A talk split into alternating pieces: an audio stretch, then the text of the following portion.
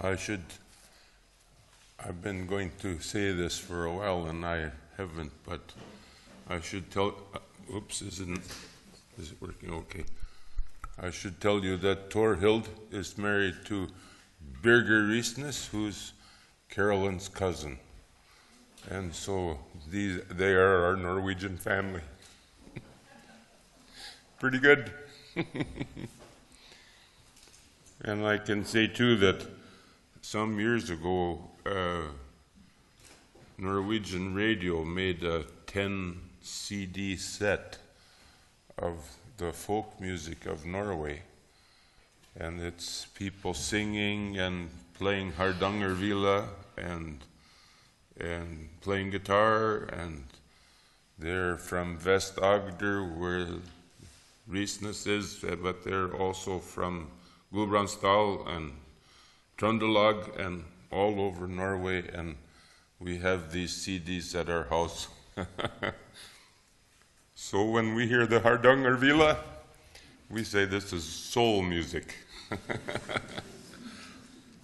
Two cats stretched between posts, huh? so, um, I've been wondering what to do uh, this evening. I haven't been quite sure. But um, one way to talk about justification by faith is to speak of it as a rhetoric or as a grammar for preachers. For many years, um, 25 years in fact, longer, I taught with Gerhard Olaf Forde, and uh, he was my teacher originally, and then my close friend and companion, colleague. Um, we traveled all over together and wrote books together and got into mischief together more than once. Um, and one of the things that we talked about lots of times was this rhetoric or grammar. If you have a grammar, you have rules. A grammar describes how you are to use words, and it sets up rules for speaking. And so we formulated four rules for preaching from the doctrine of justification by faith. And I'm just going to take you through these rules, and then we can talk about. You can ask questions, or we can. It says we're supposed to have a conversation, so if you want to pursue the question, questions, you're welcome. The first rule is this in preaching the gospel, Christ Jesus is always the subject of the verbs. When preaching the gospel, Christ Jesus is always the subject, that is, the one who is working, the one who is doing, the one who is acting. When you read through the Gospel of Mark, you notice this that Christ Jesus is always the one he has almost all the verbs. He's the one who is working and doing, and he's shooting around from one place to the next. Immediately he did this, and immediately he did that, and immediately he did this, and immediately he did that. It's he's relentlessly working. So the gospel is his work and his job.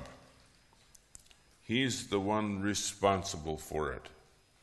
He's the one who carries out the good work. So, for instance, he was up in the region of, of Syrophoenicia, and a woman called out to him that her daughter was ill, and he answered her not a word. This is very unusual. He, he didn't say a thing to her. He just kept walking and he kept ignoring her. So the woman went and made a pest of herself with the disciples. She, she kept yammering at the disciples until finally the disciples relented and went to Jesus and said, You have to do something about this woman. She's crying after us, she's making a scene. You have to help her just to get rid of her.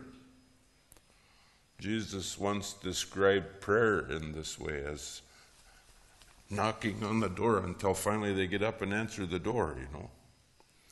So this woman is doing exactly what Jesus says. She's after him. Huh? And Jesus said, turns to the disciples and says, It's not good to take the children's food and feed it to the dogs. This is a curse. This is a racial curse. And it's hard to understand Jesus speaking in this way. But the woman catches him in his own words. She says, Yes, Lord, even the dogs eat the bread that falls from the children's table. Huh? And then Jesus says, O oh, woman, great is your faith. Huh? Luther says, in this text, Christ pursues faith like a hunter moving through a field to flush a bird. he is working, he is moving, he is doing. So that's the first rule. The second rule is this the hearer, the one listening, is the direct object. That is the beneficiary of what Christ is doing. So when Jesus is dealing with these people, he doesn't discuss predestination, nor does he discuss the limits of the atonement, nor does he suggest that if you really understand this, you will be saved. When Jesus speaks to his hearers, he gives. Huh? What does he say? Your sins are forgiven. Come forth from the dead. Huh? You think of it. Lazarus had been dead for long enough so that the tomb stunk. When Jesus said, Roll back the stone, Mary about had a fit. Everybody will smell what's going on in there, she said. If you've been in a, in a, in a climate like Israel, you know that it, the body begins to decay that very day. So she was afraid of the offense, and Jesus stands at the door of the tomb. Huh? He doesn't discuss the possibility of a resurrection or say, if you really believe this, really believe me, I can help you. he steps to the door of the tomb and he says, Lazarus, come forth. Huh? That's the gospel. Jesus is acting and the hearer is benefiting. Huh? Or that beautiful story about the Roman centurion whose daughter was dying. I love this story. This is one of my favorite stories. You know, when I was a little boy, my grandparents used Norwegian for two purposes. One was to keep secrets. Uh, they would start speaking Norwegian at the table when they didn't want the rest of us to know what was going on, especially we kids. And they used it in their prayers. It was the language of their hearts. So when we prayed, we knew that God could speak English. You know, nobody had to tell us that. But we prayed in Norwegian because that was language from our hearts. Huh? It was the deep. And so you hear, here's this great story which we receive from the Holy Scripture in which Jesus goes to this little girl's room, and what does he say? Talitha kumi. Little girl, I say to you, arise. Now, why do we get the Aramaic? Because this is the language of the people's hearts. Huh? This is sacred. So the little girl benefits, the family benefits. Huh? He hands over his blessing. That's the gospel. The third rule is this when the gospel is spoken, it's unconditional. There are no ifs, ands, or buts. There are no conditions created which we have to fulfill. Lazarus, come forth. Hmm? Jesus didn't say, if you really believe this, you can walk out of there. Or if you feel like experiencing eternity, you can make a little effort and maybe you can stand up. it's an unconditional word. Come forth. Lazarus wakes up and he looks at his watch and said, I thought it was Tuesday. What happened? He's amazed. I thought I was dead. I mean, he commands and he comes, you see? And over and over again, as Jesus deals with sinners, it's so beautiful. This is one of my all time, I love all of these stories, of course, but I think I love this one the most.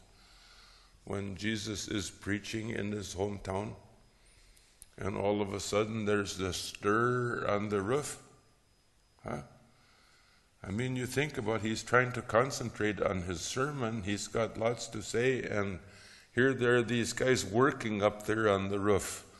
And pretty soon they've made a hole in the roof, and pretty soon there are four of them up there, and they're lowering this guy down. What's going on here? Can't you let me preach? Won't you leave the roof alone? What are you doing? What are you doing? He doesn't say anything like that he turns to this man who's paralyzed and he says, Your sins are forgiven. Huh? And then, of course, the Pharisees, they're ticked off, they're mad, and they say, What's in the world you doing saying something like that? that you may know that the Son of Man has authority on earth to, sin, to forgive sins. Huh? What does he say? Rise, take up your pallet, and walk. And that man picks up his bed huh, and walks right out the door. I mean, it's amazing. These, this is Jesus. It's unqualified. There's, he doesn't demand anything of his hearers, he gives everything. And these are his blessings. And finally, the fourth rule is this when the gospel is spoken, it is present tense. The gospel comes out of the future into the present, and it happens right now. The best example of this, I think, is the story of Jesus and Mary and Martha. I always say Martha is the aggressive and Mary, and Mary is the passive aggressive when Jesus comes to town, Martha goes out, to, out right down the road to get him. If you'd have been here, this never would have happened. What in the world have you been doing? Four days we've been waiting for you and you didn't show up. If you're going to be the Savior of the world, you're going to have to learn to keep your appointments. Now get with it. Huh? She's furious. She's angry. She's mad. And she's giving Jesus a piece of her mind. Then comes Mary. She's, she's the one you really have to watch out for. If you would have been here, kind of whiny, huh? and tired, huh? and with a big knife under her bed, under her belt. she's, she's just as mad, but she does it in a much more passive aggressive sort of way. You know, Mary, Lazarus, Martha, Mary, Lazarus will be raised from the dead. Yes, Lord, I know that on the last day, you know the rest of this verse, huh? You can say it panorska. He, what does Jesus say? I am the resurrection and the life. Not I will be eventually, just wait. Not I hope to achieve this and I'm trying to get in touch with it.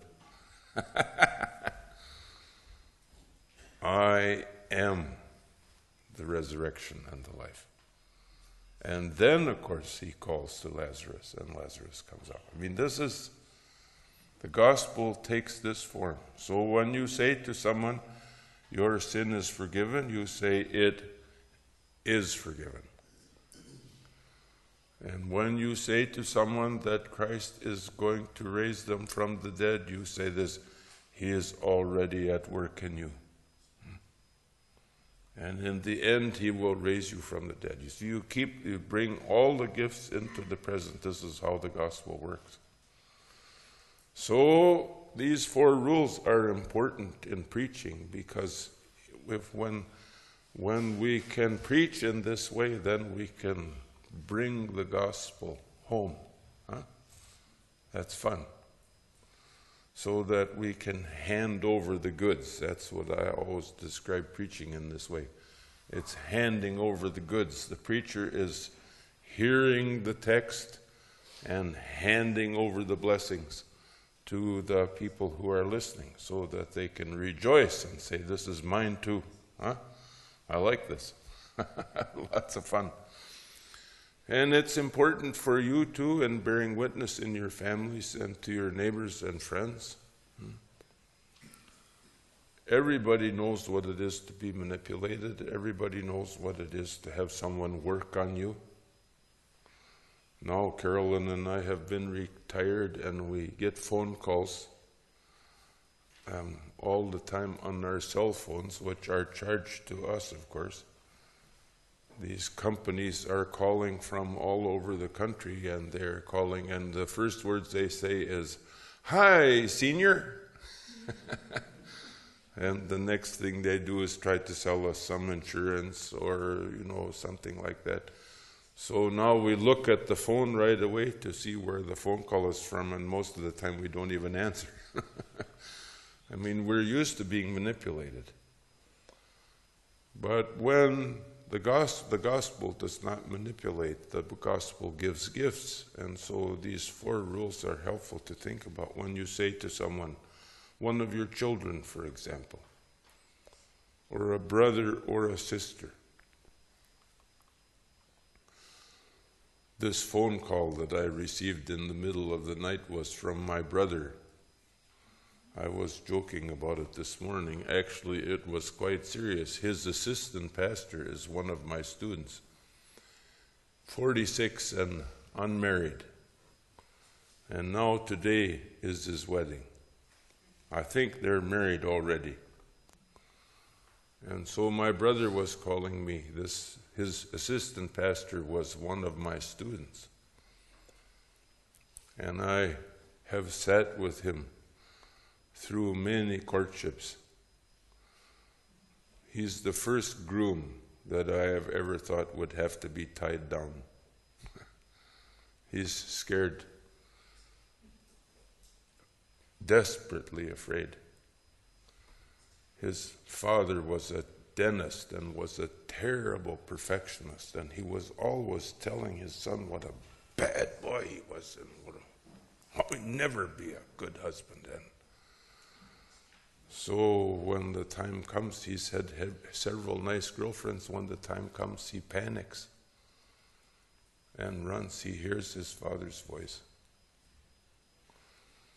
So we went home after this morning and back to the hotel, and I made a tape.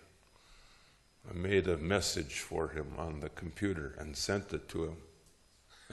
and this is what I said Therefore, a man shall leave father and mother and cleave to his wife. Your father is dead. This woman is living. So now listen to Christ Jesus. Hmm? Your sin is forgiven. And listen to her. Huh? Her name is Kari Rotvold. So you know that she comes from good stock. Huh? and you know that she's going to be a wonderful wife to him. Huh? So the gospel comes. This is what it does, you know. Frees someone from paralysis. Couldn't be better than that. My brother is quite a bit bigger than I am, and if he runs this time, if the assistant pastor runs this time, both my brother and I are going to pile on top of him. he won't get away. Okay, is that enough? You want to ask some questions? No?